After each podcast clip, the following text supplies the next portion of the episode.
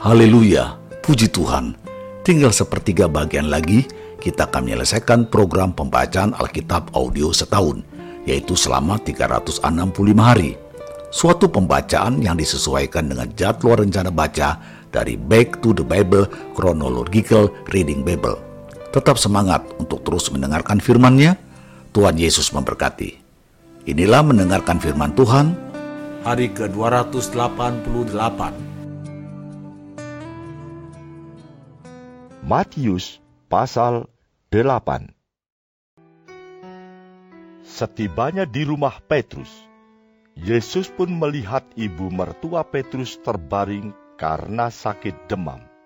Maka dipegangnya tangan perempuan itu, lalu lenyaplah demamnya. Ia pun bangunlah dan melayani dia. Menjelang malam, dibawalah kepada Yesus banyak orang yang kerasukan setan, dan dengan sepatah kata Yesus mengusir roh-roh itu dan menyembuhkan orang-orang yang menderita sakit. Hal itu terjadi supaya genaplah firman yang disampaikan oleh Nabi Yesaya. Dialah yang memikul kelemahan kita dan menanggung penyakit kita. Ketika Yesus melihat orang banyak mengelilinginya, ia menyuruh bertolak ke seberang. Lalu datanglah seorang ahli Taurat dan berkata kepadanya, Guru, aku akan mengikut engkau ke mana saja engkau pergi. Yesus berkata kepadanya, Serigala mempunyai liang, dan burung mempunyai sarang, tetapi anak manusia tidak mempunyai tempat untuk meletakkan kepalanya. Seorang lain, yaitu salah seorang muridnya, berkata kepadanya, Tuhan, izinkanlah aku pergi dahulu menguburkan ayahku. Tetapi Yesus berkata kepadanya, Ikutlah aku, dan biarlah orang-orang mati menguburkan orang-orang mati mereka. Lalu Yesus naik ke dalam perahu, dan murid-muridnya pun mengikutinya. Sekonyong-konyong, mengamuklah angin ribut di danau itu, sehingga perahu itu ditimbus gelombang, tetapi Yesus tidur. Maka datanglah murid-muridnya membangunkan dia. Katanya, Tuhan, tolonglah, kita binasa. Ia berkata kepada mereka, Mengapa kamu takut, kamu yang kurang percaya? Lalu bangunlah Yesus menghardik angin dan danau itu. Maka danau itu menjadi teduh sekali. Dan heranlah orang-orang itu. Katanya, Orang apakah dia ini? Sehingga angin dan danau pun taat kepadanya. Setibanya di seberang, yaitu di daerah orang Gadara, datanglah dari pekuburan dua orang yang kerasukan setan menemui Yesus. Mereka sangat berbahaya, sehingga tidak seorang pun yang berani melalui jalan itu. Dan mereka itu pun berteriak, katanya, Apa urusanmu dengan kami? Hai anak Allah, adakah kau kembali untuk menyiksa kami sebelum waktunya? Tidak jauh dari mereka itu, sejumlah besar babi sedang mencari makan. Maka setan-setan itu meminta kepadanya. Katanya, Jika engkau mengusir kami, suruhlah kami pindah ke dalam kawanan babi itu. Yesus berkata kepada mereka, Pergilah, Lalu keluarlah mereka dan masuk ke dalam babi-babi itu. Maka terjunlah seluruh kawanan babi itu dari tepi jurang ke dalam danau dan mati di dalam air. Maka larilah penjaga-penjaga babi itu, dan setibanya di kota, diceritakannya segala sesuatu, juga tentang orang-orang yang kerasukan setan itu. Maka keluarlah seluruh kota mendapatkan Yesus. Dan setelah mereka berjumpa dengan dia, mereka pun mendesak supaya ia meninggalkan daerah mereka. Markus pasal 4 Pada suatu kali, Yesus mulai pula mengajar di tepi danau. Maka datanglah orang banyak yang sangat besar jumlahnya mengerumuni dia, sehingga ia naik ke sebuah perahu yang sedang berlabuh, lalu duduk di situ. Sedangkan semua orang banyak itu di darat, di tepi danau itu dan ia mengajarkan banyak hal dalam perumpamaan kepada mereka. Dalam ajarannya itu, ia berkata kepada mereka, Dengarlah, adalah seorang penabur keluar untuk menabur. Pada waktu ia menabur, sebagian benih itu jatuh di pinggir jalan. Lalu datanglah burung dan memakannya sampai habis. Sebagian jatuh di tanah yang berbatu-batu, yang tidak banyak tanahnya. Lalu benih itu pun segera tumbuh karena tanahnya tipis. Tetapi sesudah matahari terbit, layulah ia dan menjadi kering karena tidak berakar. Sebagian lagi jatuh di tengah semak duri. Lalu makin besarlah semak itu dan menghimpitnya sampai mati, sehingga ia tidak berbuah. Dan sebagian jatuh di tanah yang baik. Ia tumbuh dengan suburnya dan berbuah. Hasilnya, ada yang tiga puluh kali lipat, ada yang enam puluh kali lipat, ada yang seratus kali lipat. Dan katanya, Siapa mempunyai telinga untuk mendengar, hendaklah ia mendengar. Ketika ia sendirian, pengikut-pengikutnya dan kedua belas murid itu menanyakan dia tentang perumpamaan itu. Jawabnya, Kepadamu telah diberikan rahasia kerajaan Allah. Tetapi kepada orang-orang luar segala sesuatu disampaikan dalam perumpamaan, supaya sekalipun melihat, mereka tidak menanggap. Sekalipun mendengar, mereka tidak mengerti supaya mereka jangan berbalik dan mendapat ampun. Lalu ia berkata kepada mereka, Tidakkah kamu mengerti perumpamaan ini? Kalau demikian, bagaimana kamu dapat memahami semua perumpamaan yang lain? Penabur itu menaburkan firman. Orang-orang yang di pinggir jalan, tempat firman itu ditaburkan, ialah mereka yang mendengar firman, lalu datanglah iblis dan mengambil firman yang baru ditaburkan di dalam mereka. Demikian juga yang ditaburkan di tanah yang berbatu-batu, ialah orang-orang yang mendengar firman itu dan segera menerimanya dengan gembira. Tetapi mereka tidak berakar dan tahan sebentar saja. Apabila kemudian datang penindasan atau penganiayaan karena firman itu, mereka segera murtad. Dan yang lain ialah yang ditaburkan di tengah semaduri. Itulah yang mendengar firman itu. Lalu kekhawatiran dunia ini dan tipu daya kekayaan dan keinginan-keinginan akan hal yang lain, masuklah menghimpit firman itu sehingga tidak berbuah. Dan akhirnya, yang ditaburkan di tanah yang baik ialah orang yang mendengar dan menyambut firman itu lalu berbuah. Ada yang tiga puluh kali lipat, ada yang enam puluh kali lipat, dan ada yang seratus kali lipat.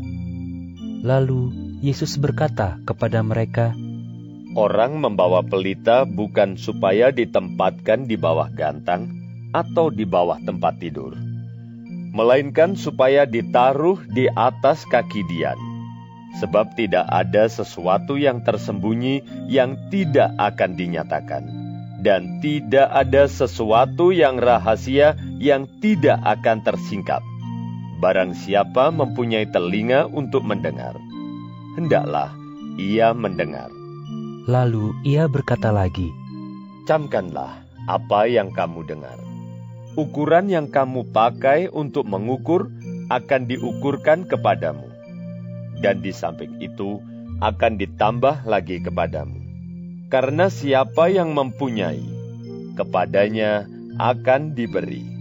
Tetapi siapa yang tidak mempunyai, apa pun juga yang ada padanya akan diambil daripadanya.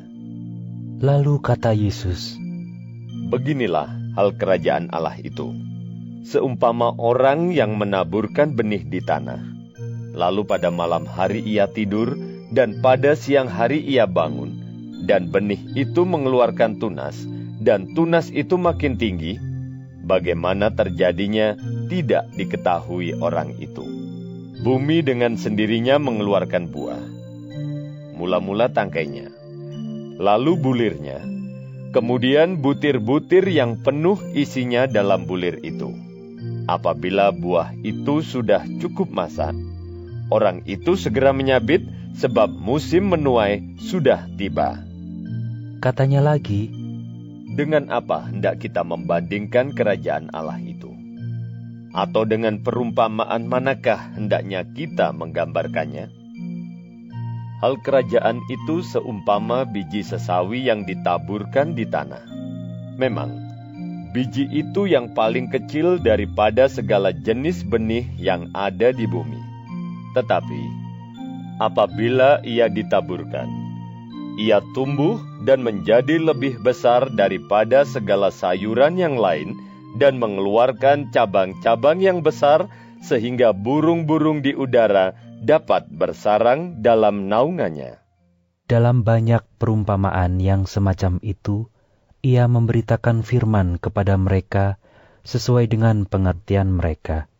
Dan tanpa perumpamaan, ia tidak berkata-kata kepada mereka, tetapi kepada murid-muridnya, ia menguraikan segala sesuatu secara tersendiri.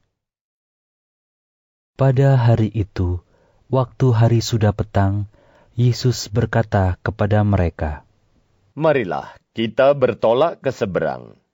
Mereka meninggalkan orang banyak itu, lalu bertolak dan membawa Yesus beserta dengan mereka dalam perahu di mana Yesus telah duduk, dan perahu-perahu lain juga menyertai Dia. Lalu mengamuklah taufan yang sangat dahsyat, dan ombak menyembur masuk ke dalam perahu, sehingga perahu itu mulai penuh dengan air. Pada waktu itu, Yesus sedang tidur di buritan di sebuah tilam. Maka murid-muridnya membangunkan dia dan berkata kepadanya, Guru, engkau tidak peduli kalau kita binasa. Ia pun bangun, menghardik angin itu, dan berkata kepada danau itu. Diam, tenanglah. Lalu angin itu reda, dan danau itu menjadi teduh sekali. Lalu ia berkata kepada mereka, Mengapa kamu begitu takut? Mengapa kamu tidak percaya? Mereka menjadi sangat takut dan berkata seorang kepada yang lain, Siapa gerangan orang ini? Sehingga angin dan danau pun taat kepadanya. Markus pasal 5 Lalu sampailah mereka di seberang danau, di daerah orang Gerasa. Baru saja Yesus turun dari perahu, datanglah seorang yang kerasukan roh jahat dari pekuburan menemui dia. Orang itu diam di sana, dan tidak ada seorang pun lagi yang sanggup mengikatnya, sekalipun dengan rantai, karena sudah sering ia dibelenggu dan dirantai. Tetapi rantainya diputuskannya, dan belenggunya dimusnahkannya, sehingga tidak ada seorang pun yang cukup kuat untuk menjinakkannya. Siang malam ia berkeliaran di pekuburan dan di bukit-bukit sambil berteriak-teriak dan memukuli dirinya dengan batu. Ketika ia melihat Yesus dari jauh, berlarilah ia mendapatkannya, lalu menyembahnya. Dan dengan keras ia berteriak, Apa urusanmu dengan aku? Ah Yesus anak Allah yang maha tinggi. Berialah, jangan siksa aku. karena sebelumnya Yesus mengatakan kepadanya, Hai engkau roh jahat, keluar dari orang ini. Kemudian ia bertanya kepada orang itu. Siapa namamu? Jawabnya, Namaku Legion.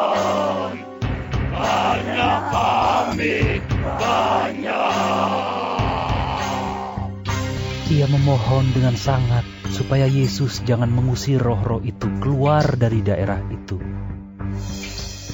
Adalah di sana di lereng bukit, sejumlah besar babi sedang mencari makan. Lalu roh-roh itu meminta kepadanya, katanya, Suruhlah kami pindah ke dalam babi-babi itu. Biarkanlah kami memasukinya. Yesus mengabulkan permintaan mereka. Lalu keluarlah roh-roh jahat itu dan memasuki babi-babi itu. Kawanan babi yang kira-kira 2000 jumlahnya itu terjun dari tepi jurang ke dalam danau dan mati lemas di dalamnya. Maka larilah penjaga-penjaga babi itu dan menceritakan hal itu di kota dan di kampung-kampung sekitarnya. Lalu keluarlah orang untuk melihat apa yang terjadi. Mereka datang kepada Yesus dan melihat orang yang kerasukan itu duduk, sudah berpakaian dan sudah waras. Orang yang tadinya kerasukan legion itu. Maka takutlah mereka. Orang-orang yang telah melihat sendiri hal itu mencari terakan kepada mereka tentang apa yang telah terjadi atas orang yang kerasukan setan itu dan tentang babi-babi itu. Lalu mereka mendesak Yesus supaya ia meninggalkan daerah mereka. Pada waktu Yesus naik lagi ke dalam perahu, orang yang tadinya kerasukan setan itu meminta supaya ia diperkenankan menyertai dia. Yesus tidak memperkenankannya, tetapi ia berkata kepada orang itu, Pulanglah ke rumahmu, kepada orang-orang sekampungmu, dan beritahukanlah kepada mereka segala sesuatu yang telah diperbuat oleh Tuhan atasmu, dan bagaimana ia telah mengasihani engkau. Orang itu pun pergilah dan mulai memberitakan di daerah Dekapolis segala apa yang telah diperbuat Yesus atas dirinya. Dan mereka semua menjadi heran. Sesudah Yesus menyeberang lagi dengan perahu, orang banyak berbondong-bondong datang, lalu mengerumuni dia. Sedang ia berada di tepi danau, datanglah seorang kepala rumah ibadat yang bernama Yairus. Ketika ia melihat Yesus, tersungkurlah ia di depan kakinya dan memohon dengan sangat kepadanya. Anakku perempuan sedang sakit, hampir mati. Datanglah kiranya dan letakkanlah tanganmu atasnya, supaya ia selamat dan tetap hidup. Lalu pergilah Yesus dengan orang itu. Orang banyak berbondong-bondong mengikuti dia dan berdesak-desakan di dekatnya. Adalah di situ seorang perempuan yang sudah 12 tahun lamanya menderita pendarahan. Ia telah berulang-ulang diobati oleh berbagai tabib, sehingga telah dihabiskannya semua yang ada padanya. Namun sama sekali tidak ada faedahnya, malah sebaliknya keadaannya makin memburuk. Dia sudah mendengar berita-berita tentang Yesus. Maka di tengah-tengah orang banyak itu, ia mendekati Yesus dari belakang dan menjamah jubahnya, sebab katanya, Asal ku jamah saja jubahnya, aku akan sembuh. Seketika itu juga berhentilah pendarahannya, dan ia merasa bahwa badannya sudah sembuh dari penyakitnya. Pada ketika itu juga Yesus mengetahui bahwa ada tenaga yang keluar dari dirinya. Lalu ia berpaling di tengah orang banyak dan bertanya, Siapa yang menjamah jubahku?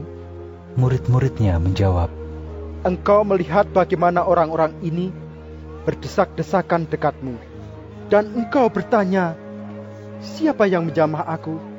Lalu ia memandang sekelilingnya untuk melihat siapa yang telah melakukan hal itu. Perempuan itu yang menjadi takut dan gemetar ketika mengetahui apa yang telah terjadi atas dirinya, tampil dan tersungkur di depan Yesus, dan dengan tulus memberitahukan segala sesuatu kepadanya. Maka katanya kepada perempuan itu, Hai anakku, imanmu telah menyelamatkan engkau. Pergilah dengan selamat dan sembuhlah dari penyakitmu. Ketika Yesus masih berbicara, datanglah orang dari keluarga kepala rumah ibadat itu dan berkata, Anakmu sudah mati. Apa perlunya lagi engkau menyusah-nyusahkan guru? Tetapi Yesus tidak menghiraukan perkataan mereka dan berkata kepada kepala rumah ibadat, Jangan takut, percaya saja. Lalu Yesus tidak memperbolehkan seorang pun ikut serta, kecuali Petrus, Yakobus, dan Yohanes, saudara Yakobus. Mereka tiba di rumah kepala rumah ibadat, dan di sana dilihatnya orang-orang ribut, menangis, dan meratap dengan suara nyaring. Sesudah ia masuk, ia berkata kepada orang-orang itu, Mengapa kamu ribut dan menangis? Anak ini tidak mati, tetapi tidur. Tetapi mereka menertawakan dia. Maka diusirnya semua orang itu, lalu dibawanya ayah dan ibu anak itu, dan mereka yang bersama-sama dengan dia masuk ke kamar anak itu. Lalu dipegangnya tangan anak itu, katanya, Talitakum, yang berarti, Hai anak, aku berkata kepadamu, bangunlah. Seketika itu juga anak itu bangkit berdiri dan berjalan, sebab umurnya sudah 12 tahun. Semua orang yang hadir sangat takjub. Dengan sangat ia berpesan kepada mereka, supaya jangan seorang pun mengetahui hal itu. Lalu ia menyuruh mereka memberi anak itu makan. Tetap semangat, teruskanlah mendengarkan firman Tuhan. Sampai jumpa esok hari.